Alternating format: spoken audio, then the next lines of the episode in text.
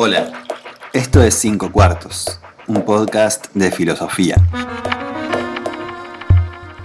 Hoy hablamos sobre la filosofía presocrática, el momento en el que empezó todo.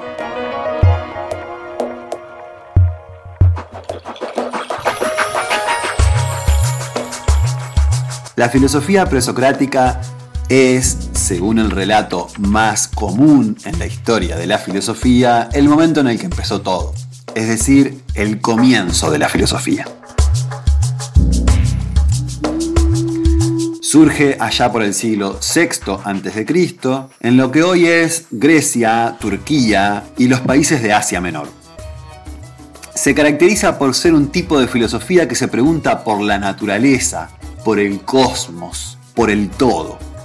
Pero en especial se ha hablado sobre la filosofía presocrática como el paso del mito al logos, ya que el quiebre que hacen estos filósofos y estas filósofas es romper con la explicación sobrenatural de la realidad y pasar a dar una explicación lógica, es decir, una explicación que no depende del enojo o los premios de los dioses, sino que encuentra reglas, leyes, regularidades en la propia naturaleza hay una crítica al mito en la filosofía presocrática que se hace más evidente en las palabras de Genófanes acerca de la concepción de los dioses de sus contemporáneos. Como es conocido, Genófanes decía que si los bueyes, los caballos o los leones tuvieran manos y pudieran pintar a sus dioses, los pintarían como viéndose a sí mismos en el espejo.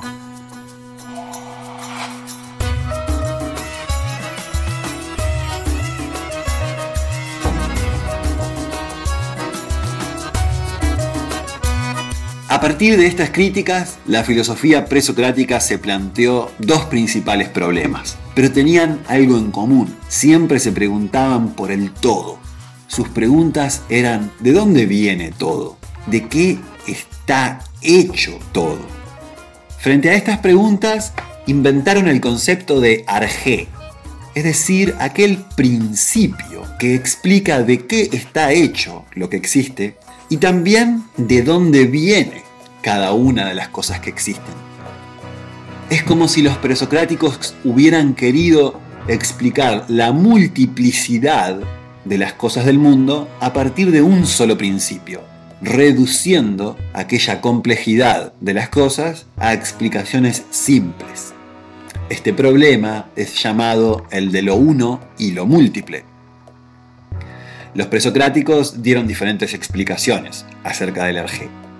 Tales, el primero de los filósofos presocráticos, dijo que el arjé era el agua, es decir, que todo viene del agua. Todo está hecho de agua en un sentido.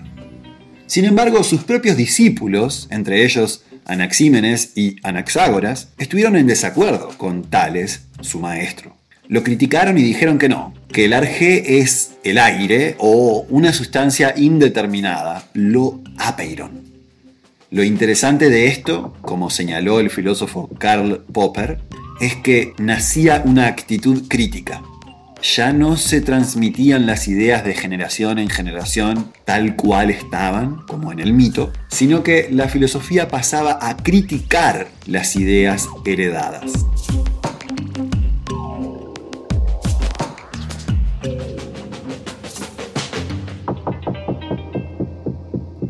Por otra parte, se presentó una serie de interrogantes relacionadas con el cambio y la permanencia.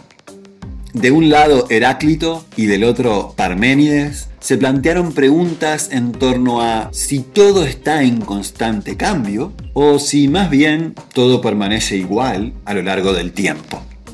Trataron de explicar la identidad de las cosas en un mundo que parece estar en constante cambio y cómo hacer para poder entender la existencia y el ser una vez que ya no es lo mismo que era.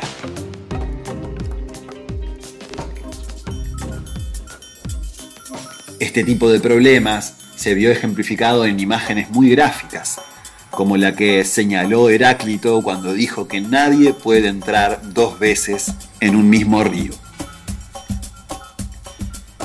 Además, el pensamiento griego clásico formuló una paradoja o un experimento mental para tratar de problematizar esta cuestión del cambio y la permanencia. Hablamos de el barco de Teseo.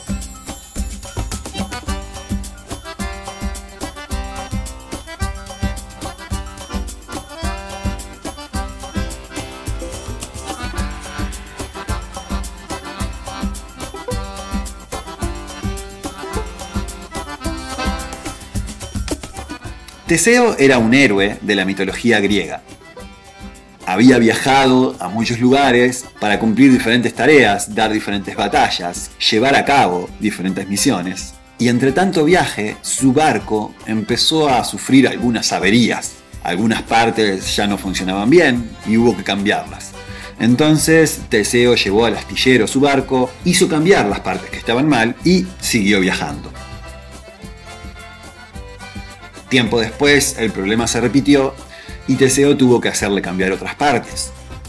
Esto se repitió muchas veces, hasta que en un momento el artesano que reparaba el barco de Teseo le dijo que la pieza que estaba a punto de cambiar era la última de las que estaban en el barco original. Es decir, ya todo el resto había sido cambiado, y esa era la única que quedaba del barco tal cual estaba la primera vez que Teseo lo había llevado. ¿Era el mismo barco? Si esa pieza se cambiaba, ¿dejaba de ser el barco de Teseo? Los filósofos presocráticos usaron esta historia para reflexionar acerca de qué es que algo sea lo mismo a lo largo del tiempo, cómo algo permanece a través del cambio. En este caso pareciera que si decimos que el barco es el mismo, entonces tendríamos que decir que el barco no es los materiales de los que está hecho. Pero entonces, ¿qué es lo que hace que el barco de Teseo sea el mismo? Este tipo de problemas fueron los que planteó la filosofía presocrática y además dejaron instalada la pregunta radical, el asombro frente a la naturaleza y la necesidad de buscar investigar y criticar como la herencia más fundamental para el pensamiento filosófico.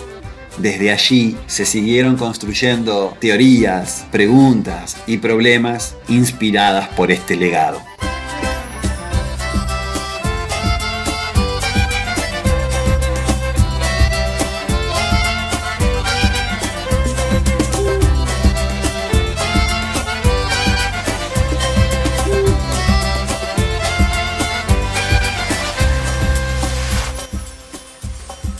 Este fue el capítulo sobre presocráticos de 5 cuartos, un podcast de filosofía. Pueden encontrar más material sobre esto en nuestros grupos en CREA.